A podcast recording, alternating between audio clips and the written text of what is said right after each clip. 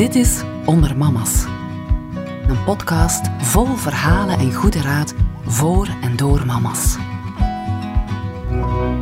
Goedemorgen Helene, welkom bij de podcast Onder Mama's. Dag Sonja, goedemorgen. Ik ben echt blij je veilig te ontmoeten deze ochtend. Eh, je hebt al een hele rit achter de rug, hè, van Oostende naar Nazareth. Maar vandaag wil ik het eh, met jou een keer hebben over het leven van een succesvolle en ondernemende mama. En bij wie het ook niet allemaal vanzelf ging. En wij kennen elkaar al lang, Jelijn. Ik herinner me je eerste bezoek nog in de Baby's Corner met Jean Premier, revolutionair in Boekentassenland. Je had toen al een aantal boekentassen mee. Hè? Gepakt waren... en gezakt. Goh ja, waar is een tijd? Ja, maar Helene, vertel eens voor de mensen die jou nog niet kennen, wie ben je? Goh, dat is een uh, moeilijke vraag. Sonja, hoeveel tijd heb ik? Goh, veel tijd. Heel de voormiddag voor u uitgetrokken. Goh, ik ben Elijn Fransen. Ik uh, word volgende week 42. Ja. ik ben uh, geboren in de Hoge Noorderkempen, in Rijkenvorsel. Ik ben dan gaan studeren in Antwerpen. Ik heb rechten gedaan, ben jurist van opleiding. Uh, ik ben na mijn rechten ben ik naar Gent gegaan, heb ik een postgraduaat Vlerik gedaan en ik ben daar eigenlijk met een man tegengekomen. En dat is eigenlijk een cruciale factor in heel dit verhaal. Mijn man was apotheker van, van vorming. En ja, we zaten over elkaar in de klas en die vonk is eigenlijk quasi direct overgeslagen. Uh, hij had al een apotheek gekocht en ik had nog niks. Dus ben ik eigenlijk gaandeweg, niet zonder slag of stoot, want de eerste verhuiswagen heb ik terug laten leegladen omdat ik het niet zag zitten om te verhuizen. Maar uiteindelijk toch de beslissing genomen, want mijn mama zei van ja, Elijn, wie scheep wil gaan, moet varen. Dus je zult toch moeten vertrekken. Ben ik aan de kust gaan wonen en ik heb daar nog geen seconde spijt van gehad. Dat is een fantastisch leven daar. Het was letterlijk en figuurlijk dan, hè? het spreekwoord van uw mama. Ja, absoluut. Um, ja, je hebt ook kinderen, hè? Ja. Eigenlijk is Jean Premier begonnen hè, door onze oudste zoon Ralf. Ralf is geboren in 2009 en ging eigenlijk in 2011, hè, halverwege, voor de eerste keer naar school. Ik had toen destijds een beetje zo na mijn uren en accessoirewerk met mijn zus. En eigenlijk, ja, doordat ik geen toffe boekentas vond, heb ik er eentje zelf laten maken. En dat was eigenlijk het prille begin van Jean Premier. Hij staat in onze showroom nog altijd, dat eerste modelletje waar alles mee begonnen is. Ja, vol herinneringen. Een boekentas vol met herinneringen. Absoluut, ja. Dus je hebt Ralf, maar je hebt nog een tweede kind ja. ook, hè? Uh, eigenlijk ben ik niet zo echt een, een moederkloek, om het zo maar te zeggen.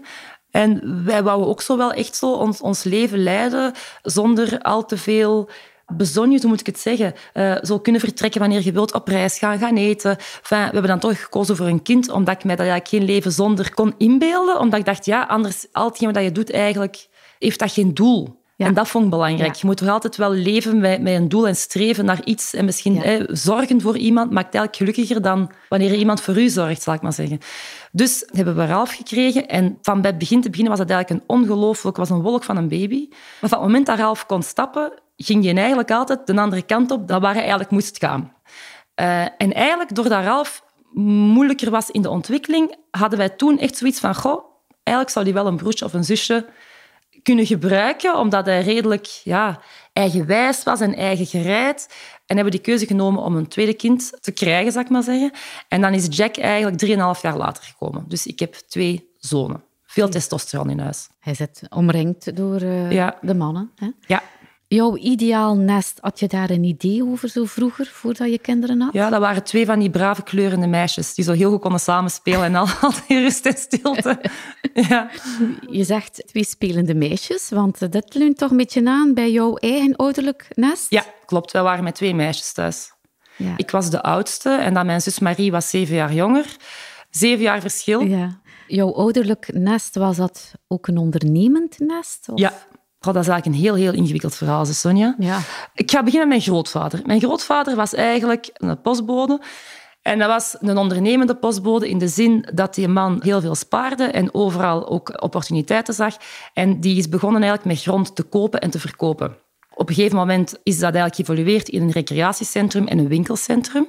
Dus mijn papa heeft eigenlijk zowel een evolutie meegemaakt als kind van in een rijhuis te wonen, met een papa die facteur is, naar eigenlijk ja, de zoon van een ondernemer die dat op reis gingen en die dat in een mooi alleenstaand huis woonde, schone auto's. Hè. En mijn uh, grootmoeder was nogal beschermend. Ze hadden dus vier kinderen, twee jongens, twee meisjes. Uh, de oudste jongen was in haar ogen uh, de cleverste, dus die moest naar de UNIF. En mijn papa mocht kiezen tussen BOB'er, police of kinesist. Dus die koos voor kinesist. En op een gegeven moment is zijn vader heel vroeg gestorven. En heeft mijn papa gezegd van, kijk, er zit meer in het leven dan voor de rest van mijn dagen eigenlijk ja, mensen masseren en, en, en behandelen. Ik wil ook in het bedrijfsleven gaan. En hij is eigenlijk begonnen met een auto, een auto van zijn zus volgens mij, voor de deur te verkopen. En die verkocht één auto en de week erop de auto van zijn broer. En dan ging hij zijn auto gaan kopen, verkocht hem die voort. Dus op een gegeven moment heeft hij mensen eigenlijk zo echt een redelijk grote zaak uitgebouwd in tweedehandswagens. Dus dat was het begin. En heeft hem eigenlijk die zaak verkocht. En dan heeft hem gaandeweg zijn broer en zijn twee zussen uitgekocht in het recreatiecentrum en een deel van dat winkelcentrum. En dan is hem daarin voortgegaan. Dus auto's zijn verkocht. En nu hebben zij, dus mijn vader en mijn zus, hebben, als ik het goed heb, zes recreatiecentra. Dus dat is een beetje in een notendop de evolutie van uh, ja, de ondernemende papa. En de moeder die thuis was en voor ons zorgde, die daar fantastisch goed deed. Dat was een heel... Ja, een warm nest, waar dat er altijd ja, lekker eten was en uh, veel sfeer. Oké. Uit welk nest komt jouw man uh, Bruno, Helijn? Bruno is een geboren en getogen Oostendenaar. Zijn vader, samen met zijn vader en zijn broer, hadden een groothandel in farmaceutische producten destijds. Ja. En de grootvader van Bruno was eigenlijk ook apotheker, had een zeer grote apotheek in Oostende. En die heeft Bruno dan eigenlijk later nog van generatie op generatie overgenomen. Ja, jullie carrière dan samen hè, als koppel. Jij was dan nog juriste op dat moment? Ik ben eigenlijk destijds begonnen als management trainee bij Philip Morris. En dan ben ik in het winkelvastgoed gaan werken als makelaar in Brussel. En dat vond ik heel plezant.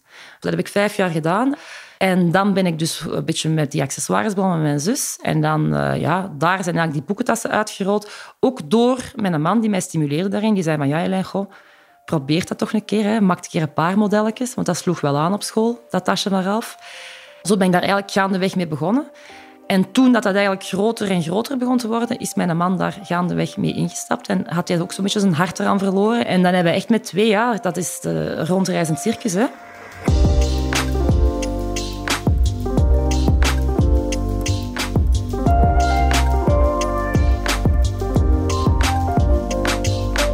Laten we even teruggaan in de tijd uh, naar jouw eerste zwangerschap. Hoe verliep dit? Paniek. Heel een dag paniek. Dat kind was altijd precies of dat, dat, dat leefde niet meer. En achteraf was het natuurlijk allemaal wel uh, in orde, maar dat was... Uh, dus je had een uh, emotionele rollercoaster? Nee, helemaal niet, want dat ging ook allemaal bij mij vooruit. Maar ik was ook vijf kilo bijgekomen. Ongelooflijk. En mijn zoon woog toch drie kilo en half bij de geboorte. Dus dat was eigenlijk allemaal perfect. Ik was ik, vitaal en gezond en ik ging ik gaan werken. En ik denk ik pas ja, een week voordat ik moest bevallen gestopt, omdat ik moest van mijn baas. Want zwanger zijn is ook geen ziekte. Hè? Nee. Maar ik was heel veel in paniek dat er met dat kind iets mis ging zijn. Ja. Dat had ik wel. En dan natuurlijk als mama, wat doe je dan? Zit op Google. Dat moet je dus absoluut niet doen. Hè, want dan lezen dus de een horrorverhaal na het ander. Daarom heb ik onder mama's geschreven. Ja, wel, maar dat is eigenlijk wel goed, want dat, dat is een houvast. Hè? Want eh, voor een eerste kind, je weet ook niet waar, wat je wat moet verwachten. Nee. Hoe oud was je toen? Uh, 31. 31. En toen uh, kwam jouw zoontje Ralf in je gezin. En hoe heb je je georganiseerd? Ralf was ik nog bediende, dus ik heb toen 15 weken thuis gezeten. Mijn ongelooflijk braaf kind. Dus ik moet eerlijk zeggen, ik verveelde mij op een gegeven moment steendood. En ik weet, toen nog heb ik uh, de Kardashians ontdekt op, uh, op ETV. Dus dat waren eigenlijk mijn beste vriendinnen. Heel dag ETV. En dan voor dat kindje zorgen en ja, grote wandelingen en zo maken. Maar ik was ongelooflijk blij dat ik terug kon gaan werken. Ja, wat voor, hoe zeggen. zou je jezelf omschrijven als mama toen op dat moment? Bang. Ik, constant uh, angstig. Die lag ook in zijn, in zijn wieg naast mij. En ik, ik heb eigenlijk negen maanden zo op op vinkenslag gelegen, met één oog uh, open en één oog dicht en zo met mijn vinger onder zijn neus.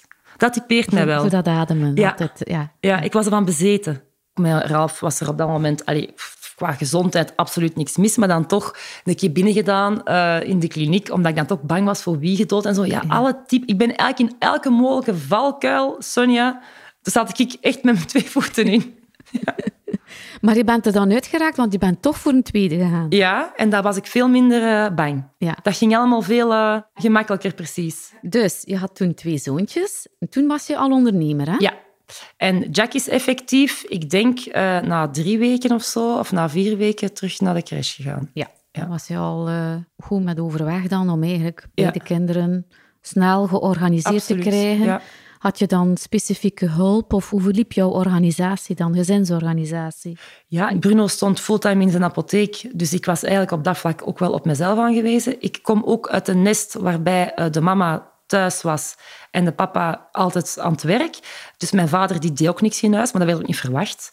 Uh, Osama deed alles. En doordat mijn zus en ik op die manier zijn opgevoed, doen wij dat ook allemaal. Om maar te zeggen, dus naast mijn job ben ik eigenlijk ook fulltime huisvrouw en, en ik zorg ook voor iedereen. Dus was ook normaal dat ik ook al die dingen op mij nam, zal ik maar zeggen. Dus ja, organisatie, ja, op tijd opstaan, gepakt en gezakt naar de crèche. Ik heb me er ook nooit schuldig over gevoeld omdat ik ook dacht, ja, die kinderen zijn daar goed omringd. Die zijn daar uh, in gezelschap van andere kindjes. Dat is sociaal. Ze krijgen daar hun eten en drank op tijd. Ze hebben daar ook regelmaat. Dus ik vond het eigenlijk fantastisch georganiseerd. Ja, je hebt ook thuis zo gezien, uh, in een zelfstandig nest. Wij waren thuis, hè, dus wij gingen niet naar een crèche. Maar ja, als je met twee moet gaan werken, dat weet je ook. Je kunt niet anders. Hè. Plus, mijn mama woont uh, aan de andere kant van het land. Mijn schoonmoeder is ook al een beetje ouder. Maar ik vind ook, uiteindelijk, zij hebben al kinderen grootgebracht. Zij moeten niet instaan voor de opvoeding van mijn kinderen. Nee. Daar zijn dan bepaalde instanties voor, zoals een crèche. Is de afstand, uh, valt die zwaar voor jou? Nee, nee, want wij hebben ook wel zo'n klein beetje uh, in ons genen, zal ik zeggen, van leven en laten leven. Ja. Ik zie mijn ouders heel graag en zij mij ook. En, en ze hebben nu ook een appartement gekocht in Oostende, om ook een keer meer bij ons te zijn. Um, het is vooral de quality time die ja, je moet hebben. Hè? Ja. Ja. en wij bellen wel elke week met elkaar en, en wij houden elkaar op de hoogte van trailen en zeilen. Ja. Maar nee, Dus jouw eerste stappen in het ondernemerschap, nog een keer belangrijk om terug te keren. Hè? Hoe oud was je toen?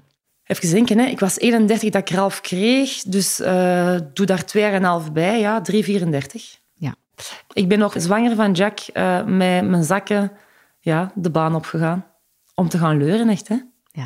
Dus op dat moment werkte je nog samen met je zus dan voor het Nee. accessoire? Nee, mijn zus had toen de stap genomen om in de familiezaak te gaan werken bij mijn papa. En ik had dan uh, ervoor gekozen om, uh, ja, om op mezelf verder te gaan. Dus jullie wegen die waren ondertussen dan uiteindelijk Ja. gescheiden. Maar jij zag eigenlijk op een bepaald moment het gat in de markt. Op dat moment weten dat nog niet, hè. Hoe verliep dat precies? Ja, ik, eh, ik heb daar, want dat waren nog leren boekentasjes in een tijd, Sonja, die waren al niet goedkoop. Die waren heel origineel. Dat was wel eh, een beetje ja, een specialer model. Maar als je dat nu vergelijkt met wat dat Champremier nu staat en, en het soort tas dat wij nu brengen, is dat gewoon dat is dag en nacht verschil. Hè? Dus dat is ook een heel leerproces geweest. Eh, ik moet wel zeggen, overal waar dat kwam, verkocht ik wel. Ja. Maar dat waren waarschijnlijk uw skills ook. Hè? Je vader had al veel geleerd daarin. Ja, misschien wel. En ik deed dat ook graag. Drie, vier jaar ben ik van s morgens tot s avonds ja, met mijn auto eigenlijk het land doorkruist om mensen te overtuigen om mijn product in hun schap te zetten. En mijn mam zei altijd voor te lachen van ja, eh, je moet niet terugkomen tenzij je iets verkocht hebt. dus dat was dan ook. Ik belde onderweg van ja, ik heb tien boekentassen verkocht. Maar ja, toen tien boekentassen, dat was ongelooflijk. Hè? Terwijl nu, ja, tien boekentassen, dat stelt niet meer veel voor. Maar Wat miste je in het assortiment dat er toen op de markt was? Welke opportuniteiten zag je? Want je moet dat dan toch wel gaandeweg ontdekt hebben. Ja, ehm, ik vond ofwel boekentassen waren bruin eh, en zwaar, dus echt leder, ofwel waren die polyester, dus heel licht en schreeuwerig. Dus er was eigenlijk niet echt iets tussenin. Kipling was natuurlijk in onze tijd, ja, dat was ongelooflijk, maar dat was meer een schooltas voor eh, humaniora-studenten. Ik heb in mijn humaniora alleen maar Kiplings gedragen, manier van spreken. Tot op het punt dat onze broers en zussen daarmee naar de lagere school begonnen te gaan. En toen is dat eigenlijk omgeslagen van een humaniora-merk naar een lagere schoolmerk. En ik merkte wel dat daar zo'n klein beetje stof op begon te zitten. Dat is ook altijd hetzelfde, een allee, sterk merk. Maar daar heb ik wel een klein beetje denk ik, het gat gezien van daar uh, een alternatief voor te bieden. En dan zijn wij gaandeweg van onze leren tassen overgeschakeld op canvas, omdat we ook ja, wel merkten dat eigenlijk een schooltas, we wouden daar een soort van handtas voor een kind van maken. Het moest mooi zijn, maar dat moet ook hufterproef zijn. Een kind gooit daarmee. Uh, een speelplaats, ja, daar zijn plassen, dat, dat moet ook tegen veel bestand zijn. En eigenlijk door de jaren hebben we ons bekwaamd in het materiaal dat eigenlijk het beste is om de schooltas uit te vervaardigen, zal ik zeggen. Dus daar hebben we wel heel veel in geleerd. Dus wat maakt jouw uh, merk en schooltas zo uniek? Uh, bij ons is dat zeer duurzaam en het is ook gewoon design. Ik denk dat wij ook wel echt trendsetter zijn in de boekentassen. Als ik dat uh, ook een beetje ja, naar de ons omringende landen bekijk, ja, wij maken de, mag ik dat zeggen, de Rolls Royce van de boekentassen. Het bloed kruipt waar het niet gaan kan, Elaine. En dat geldt nog meer voor het ondernemersbloed. Hoe reageerde jouw omgeving op de beslissing en de stap die je toen hebt gezet?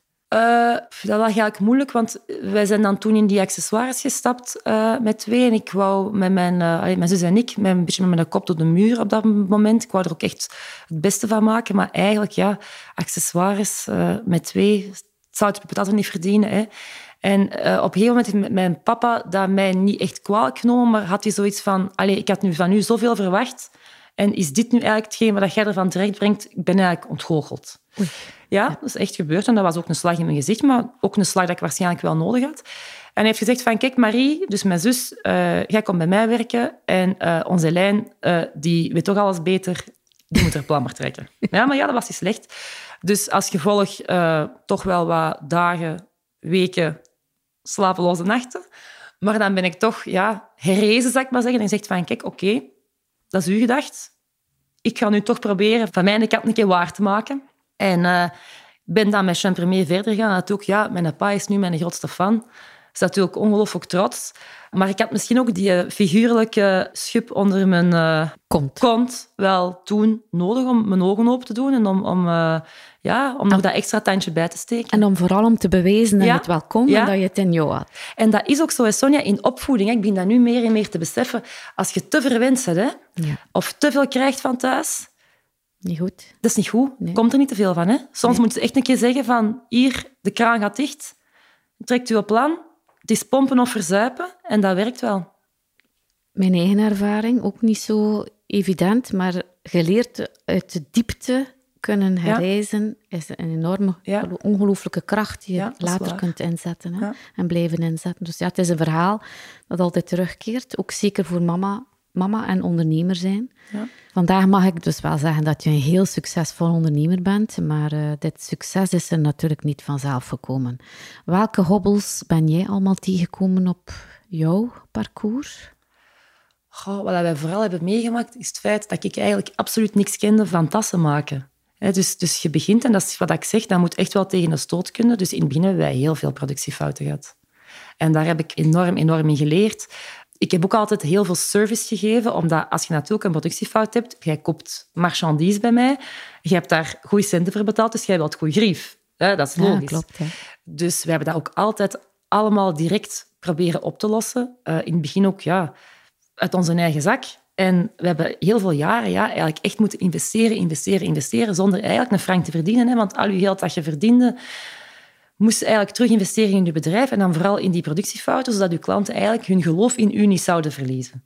En dat, het nu eigenlijk, dat nadeel is eigenlijk mijn voordeel geworden, omdat klanten nu weten bij mij, ja, als er iets is, ik ga dat altijd direct oplossen. Ja. Dat is de kracht, denk ik, ook ergens wel van ons bedrijf. En door jaren van don't know how te hebben, van, van eigenlijk te moeten zoeken naar hoe maak je de perfecte boekentas, is ons dat uiteindelijk ook wel gelukt. Altijd op zoek gaan naar oplossingen, want het is nooit 100% perfect hè, waar je mee bezig bent. Um, heb je ooit gedacht om te stoppen, dat het zo nee. diep zat? Ja, ik heb heel diep gezeten, maar ik heb nooit gedacht om te stoppen. Nee. Ik heb ooit op een gegeven moment had ik 2500 boekentassen verkocht en die hadden allemaal een... Uh, ja, op 1 september uh, gaat een telefoon of de mail is ontploft dat die sloten eraf vielen. Oh, Sonja, je wilt niet weten wat we hebben meegemaakt. Dan hebben wij een soort pop-up atelier opgezet in Aalst, redelijk centraal gelegen heeft onze fabrikant daarmee zijn schouwers onder gezet en hebben dat allemaal één voor één, die tassen hersteld, opgehaald, teruggestuurd. Maar uiteindelijk waren ze allemaal wel gerepareerd, maar je leert daar veel van. Hè? Maar dan zit het wel heel diep. Hè? Ja. Ik heb ooit van iemand geleerd dat een probleem maar zo groot is als de oplossing die ervoor geboden wordt. En dat heb ik echt ter harte genomen.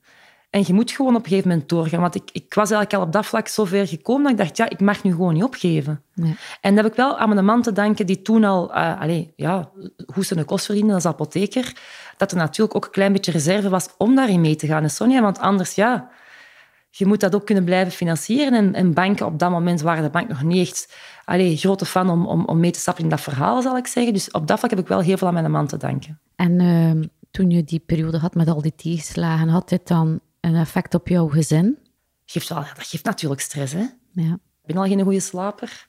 Dat zijn dan uh, ja, veel, veel slapeloze nachten. Maar ik moet eigenlijk zeggen, van het moment dat we met twee in die zaak zaten en dat je met twee, dat je, allez, twee paar schouders hebt om de lasten op te dragen, dat dat eigenlijk veel beter gaat. Ja. we hebben nog veel tegenslagen gehad daarna, maar als je dat samen kunt dragen, dan is dat heel anders. Dus mama en ondernemer bleef wel overeind in jouw gezin. Ja, eigenlijk wel. Veel te combineren. Vanuit de ogen van jouw kinderen gezien, hè? jij bent een mama en ondernemer. Hoe kijken jouw zonen naar jou? Goh, dat zou ik aan mijn zonen moeten vragen, denk ik. Ik denk wel, uh, mama werkt veel, maar aan de andere kant, doordat mijn zaak ook in Oostende gevestigd is, ik ben er ook wel. Ja. Allee, ik ben er s'morgens. Mm Ik kook ook elke avond. We zitten ook elke avond samen gezellig aan tafel. Dus ja, bij andere gezinnen waar dat er dan niet wordt ondernomen, gebeurt dat dan ook niet, denk ik. Dus op dat vlak doen wij dat wel niet slecht.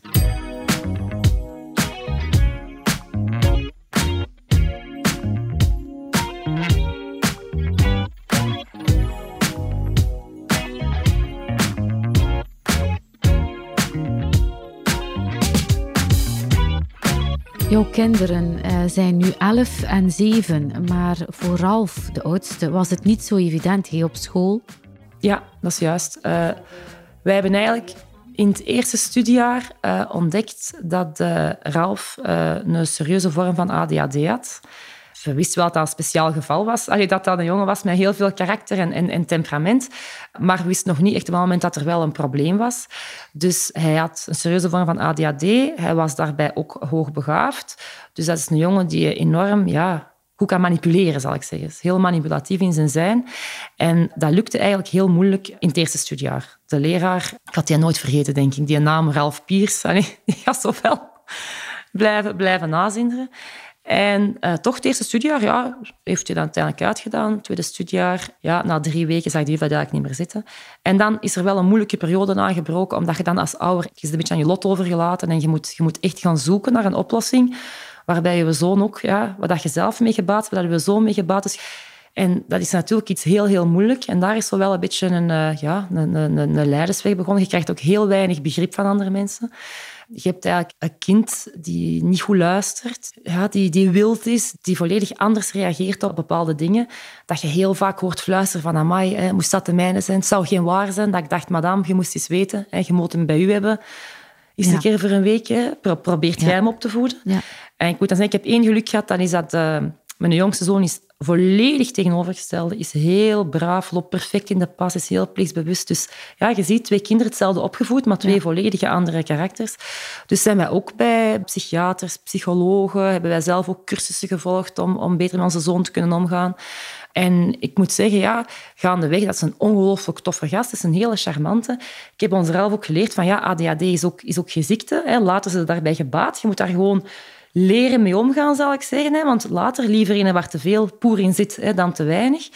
Maar in een normale school, in een normaal onderwijs, zal ik zeggen, ging dat eigenlijk totaal niet. Nee.